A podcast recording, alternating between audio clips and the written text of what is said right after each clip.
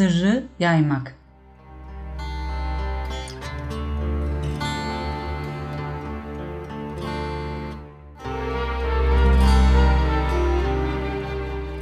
Sırrı ifşa etmekte yasaklanmıştır.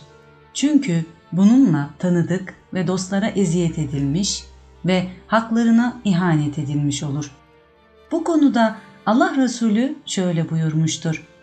Bir kimse biriyle bir şey konuşurken kimse duydu mu acaba diye sağa sola bakarsa bu konuşma onu dinleyen için bir emanet olur. Onu gizlemelidir. Bir hadiste şöyledir.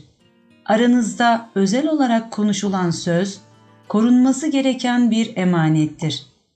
Hasan Basri der ki, kardeşinin sırrını anlatman ona ihanettir.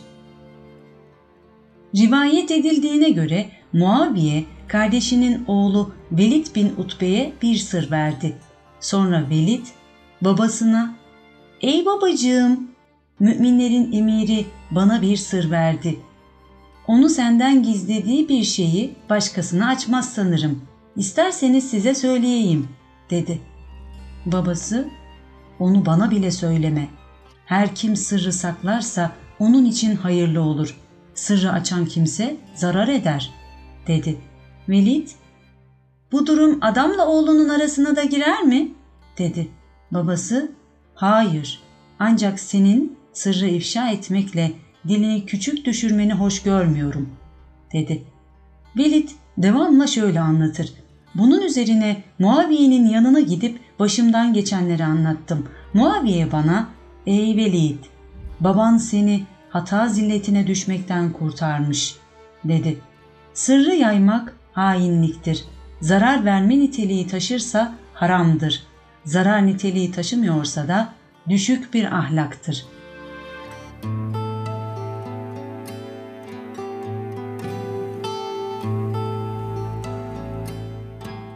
Çok büyük bir ormanda azalı bir aslan yaşıyor. Bütün hayvanlar ondan çok korkuyordu. Böyle yaşamaktansa bir çare aradılar. Düşünüp taşındılar.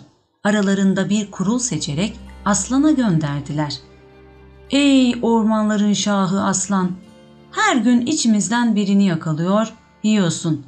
Buna bir diyeceğimiz yok. Ama bunun için sıkıntıya girmek niye? Sen tahtında otur, biz sana her gün içimizden birini yollarız. Sen de rahatça yersin. Böylece biz de huzur içinde ömrümüzü geçiririz." dediler. Bu sözler aslanın hoşuna gitti. Kabul etti. Artık her sabah bir hayvan aslana teslim ediliyordu. Derken sıra tavşana geldi. Hayvanlar, "Eh, ne yapalım? Kısmet böyle.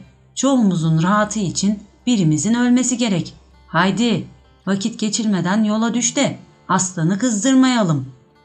Dedilerse de tavşan işi ağır alıp aldırmadı. Hayvanlar telaşlandılar. Sonunda yalvara yakara tavşanın yola düşmesini sağladılar. Tavşan kayıtsız seke oynaya aslanın karşısına geldi. Ama vakitte epey ilerlemişti.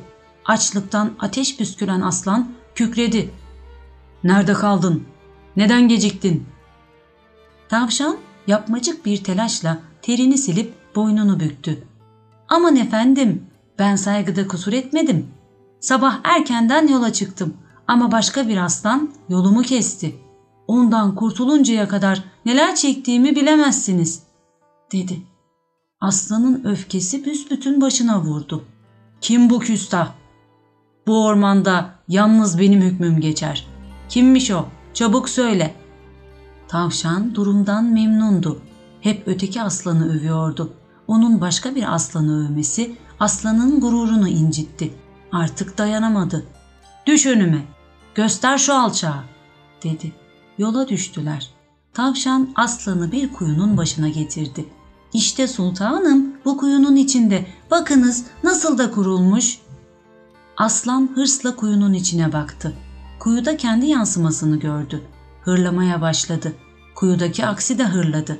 Tavşan fırsatı kaçırmadı. Görüyor musunuz efendim? Size nasıl da meydan okuyor? Aslan büsbütün öfkelendi. Gözleri döndü. Bir diyarda iki sultan olmaz. Parçalamalıyım onu. diye mırıldandı. Ardından da güm diye kuyuya atladı. Tavşan neşeyle yemyeşil çayırda seke oynaya geri dönerek hayvanlara kurtuluşu müjdeledi. Ey insanoğlu! Sen bu dünya kuyusunun dibine hırsla, açgözlülükle atlamış ve tutsak olmuş mahpus bir aslansın. Nefsini yen de tavşan gibi özgür dolaş. Senin tavşan benliğin kırda yiyip içmekte, zevk ve sefa etmekte. Sense şu dedikodu ve kavga kuyusunun dibindesin.''